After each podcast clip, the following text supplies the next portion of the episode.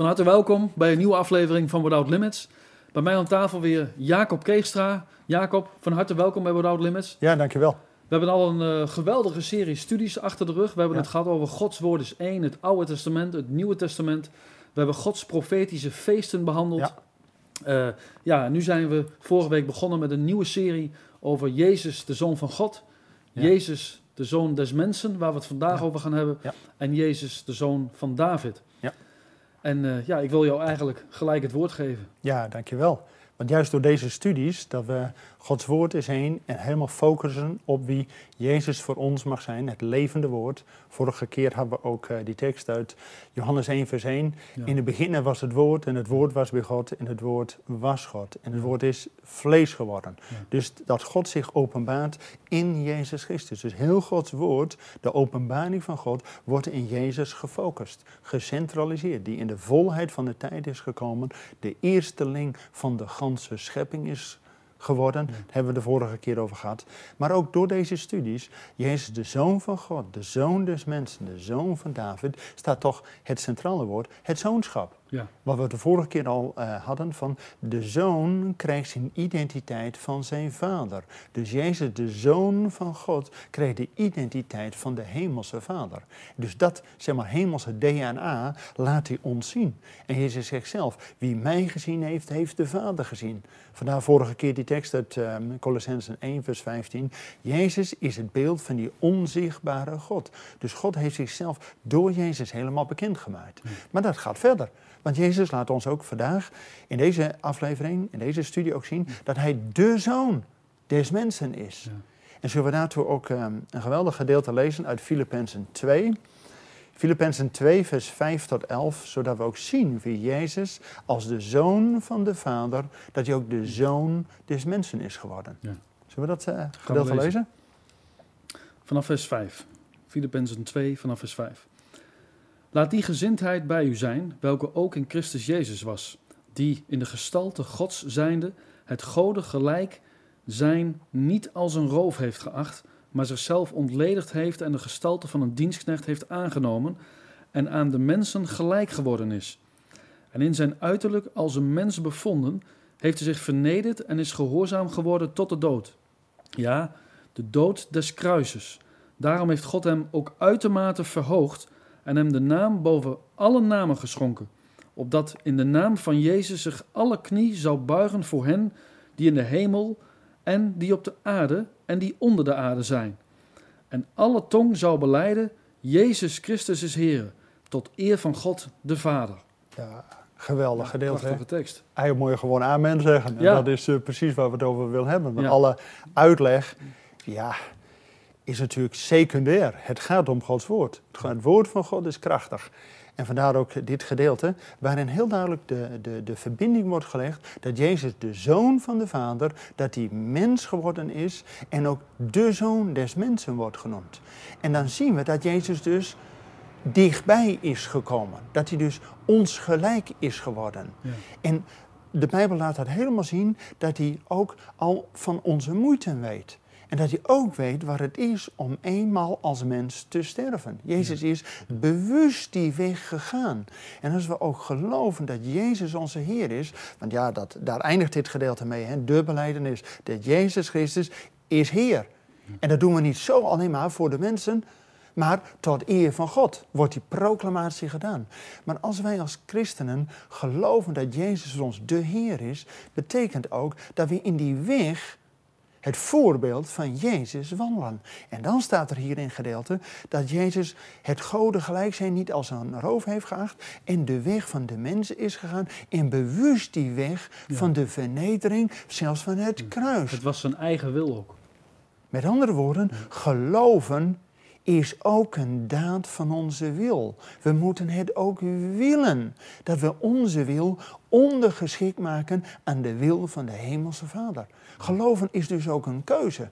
Sommigen zeggen wel eens van, ja, geloven is zo moeilijk, het is geen jasje die je aantrekt. Nee, dat klopt. We hebben het vorige keer met name gehad dat we ook versterkt mogen worden door de kennis van God. En kennis is niet alleen verstandelijke kennis, maar kennis van het hart. Dat het een relatie is met de Vader.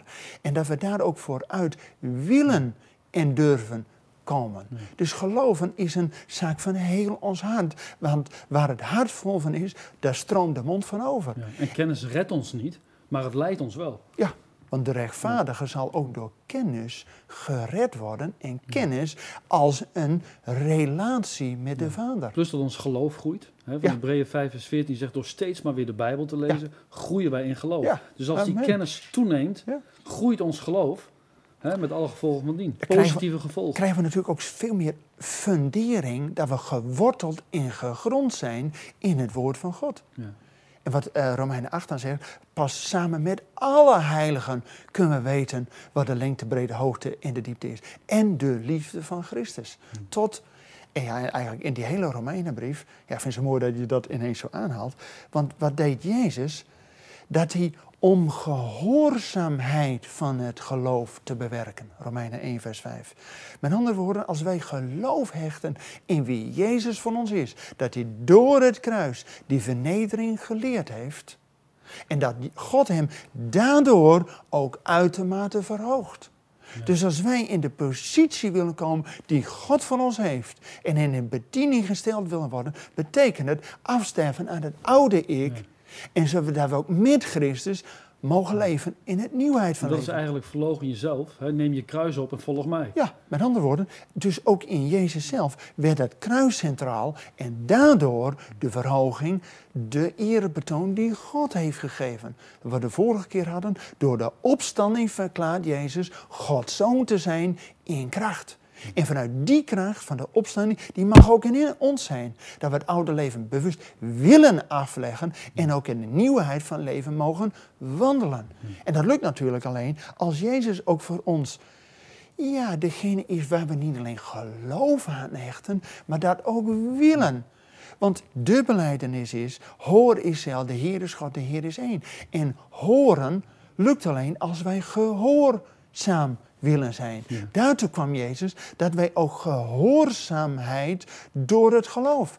Want het geloof bewerkt dat we kinderen van God zijn. Dat we horen naar wat God te zeggen heeft. Ja. Werd er ook niet tegen Thomas gezegd, eh, wees niet ongelovig, maar geloof. Ja. Of, of, hè? Ja, met andere woorden, geloof doe je dat je geloof hecht aan het woord van God. En het woord van God is geopenbaard in wie Jezus voor ons wil zijn, zodat Jezus ons, die onzichtbare Vader, openbaart. Dat we weten wie God is en wat Hij wil. Het goede, het welgevallige en volkomen. Daartoe hebben we die kennis van God nodig, maar ook dat we vervuld worden met die wil om Gods wil te doen. En daartoe staat ook dat ook wij beleiden en ook willen beleiden, Jezus is Heer. Niet alleen voor eer van ons, van oh, kijk eens dat wij geweldige christenen zijn. Nee, maar tot eer van God de Vader. Ja. En die hele boodschap van dat het begint bij ons hart, dat God geloof wil funderen in ons hart, dat wij gehoorzaam worden aan het woord van God, dat Jezus gehoorzaamheid van het geloof wil bewerken, eerst voor ons, maar dan gaat het verder. Want Romeinen 5 zegt, door gehoorzaamheid van één, dat Jezus die weg van de vernedering, van de verloochening, van het kruis ging, zodat God hem verhoogt. En doordat Jezus die gehoorzaamheid heeft gedaan, mogen ook wij rechtvaardig worden. En het slot van de Romeinenbrief zegt dat ook wij anderen, de heidenen, tot gehoorzaamheid willen brengen. Dus we worden direct in die hemelse bediening geplaatst, dat ook wij een getuigenis hebben en dat we anderen tot gehoorzaamheid bewerken door geloof hechten aan het woord van God. Ja, want jij zegt dat net van die bediening. Maar eigenlijk, eh, Johannes, hè, toen Ja. Jezus ontmoette, kreeg ook eigenlijk onmiddellijk een bediening van Jezus. Ja. Hè, en zo krijgen wij, als we Jezus leren kennen, ook onmiddellijk een bediening. Hè? Ja. Meteen ga je heen en verkondig het evangelie. Ah, dus het evangelie is ook, eh, nou, eh, je moet wel weten wat je doet. Het is in die zin een gevaarlijke boodschap. Een revolutionaire boodschap. Want als dat je hart raakt en God wil, geef mij uw hart. Ja. Staat alleen in de, in de spreuken. Maar het betekent dat je dan ook vervuld wordt met Gods liefde. Zodat je hart vol wordt en je wilt ook niks anders dan de wil van God doen. Ja. Ja. Zo zou het moeten zijn. Hè? Ja, maar dat betekent ook dat we ook moeten weten wat de wil van God is. Het volkomene en het volmaakte. Dat wil God voor ons en wil hij ook voor de ganse schepping. Want Jezus is naar niet alleen Heer tot eer van God de Vader, hij is ook verhoogd en zit nu aan de rechterhand van de Vader. Wat staat hij daar te doen? zodat ook zijn gemeente hierop uit, want hij is het hoofd van de gemeente en hij wil dat de gemeente voorbereid wordt en gereed gemaakt wordt tot die grote dag. Dat wij gehoorzaam zijn aan het woord en het woord zegt, bid voor het koninkrijk. Bouw uw rijk. Dat de gemeente gebouwd wordt. Dat we de rechtvaardige daden der heiligen doen. Nou, hoe word je rechtvaardig? Door het woord van God. Als we dat in gehoorzaam doen, worden we een tzaddik, een rechtvaardige genoemd. En dat doe je niet uit eigen kracht, niet door eigen kracht of geweld, maar door Gods geest. En die wil Jezus, die bij de troon van de Vader is, ons overvloedig schenken. We hoeven maar één klein gebed te bidden en God geeft vanuit de hemel ja, krachtig zijn heilige geest. Om ons het- te bekrachtigen. En we hebben het woord ook echt nodig, want er is Ja. natuurlijk veel verleiding. Er is ook Ja. een duivel hè, Ja. die ons juist probeert van het woord van God af te houden. Ja. Hè, door, door allerlei dingen, of het nou televisie, hobby's of wat dan ook is. Ja. Hè, en, eh, Ja, ik ben blij dat je dat noemt. Want als je dan ook een van die eerste getuigen hebt in de Bijbel, in het Nieuwe Testament, we kennen eh, Stefanus. Die vol van de Heilige Geest was. Maar die tegenstanders, die weg ermee. Die gooiden stenen en die stenigden hem. ja. En wat staat er in Handelingen 7, vers 56? Dat Stefanus, die heeft de ogen op Jezus gericht. De Zoon des mensen. Staande bij de Hemelse Vader. En dat is een profetie. Ja, die wordt al uit in het Eerste Testament, het Oude Testament, Daniel 7, dat de Zoon des mensen wordt gezien. Dat hij de hemelse heerlijkheid krijgt, de koninklijke waardigheid en dat hij ook komt op deze aarde om als Zoon des mensen te regeren. En wat staat er in het eind van de Bijbel? En dat is natuurlijk wat die Stefanus al zag, dat de zoon des mensen zie ik met heerlijkheid gekroond. Nou, die wordt er zo vol van, die stenen die raakten hem niet meer. Want hij was zo in de, in, in de overwinning dat hij Jezus zag als beeld van de Vader. Heel bijzonder. Heel bijzonder. En die, ja, die proclamatie, die profetische tekst is dat ook eenmaal in Openbaring 19, dat ook de heerlijkheid van de Zoon des Mensen komt op de aarde. Nou, dan gaan we regeren met Hem. Maar het betekent dat we ook nu al met Hem in die bediening willen staan. Dat we het oude willen afleggen en het nieuwe bewust willen aandoen. Dus het is ook een keuze van je wil Ja. en van je hart om je hart te vullen met de woorden van God. Dat de Heilige Geest je helemaal mag vullen. En dan zegt Jezus, kom tot mij. Wie dorst heeft. En een bron van levend water zal uit uw binnenste komen. En dan zeide van de Heilige Geest. Dus de Zoon des Mensen doet niet anders om het voorbeeld te zijn voor ons als mensen. Dat we het zoonschap van de Vader gekregen hebben. Dus als wij ook leesbare brieven van Jezus mogen zijn, het beeld van Christus, dat we de geur van Christus mogen verspreiden, betekent dat wij zonen van ja, van de Vader mogen zijn. Door Christus zijn wij kinderen van Hem geworden. Dus hebben wij ook die hemelse oorsprong. Want er staat dat Adam, de eerste mens, was de zoon van God. Alleen Adam is gevallen. En daarom komt die tweede Adam om ons te herstellen. Ja. Wat we de vorige keer gezien hebben. Jezus, de Zoon van God, die deel is van de schepping, die al voor en eind van die schepping er is. Dat de ganse schepping die zucht om het zoonschap van de Vader.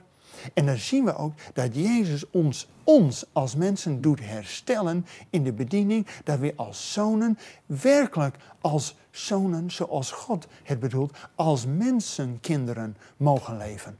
Nou, dat betekent dat we als mensenkinderen ja, afhankelijk en afgestemd zijn op God ook ja, mogen uitstralen wie God is in deze wereld. Want wij zijn de kroon op de schepping. Ja.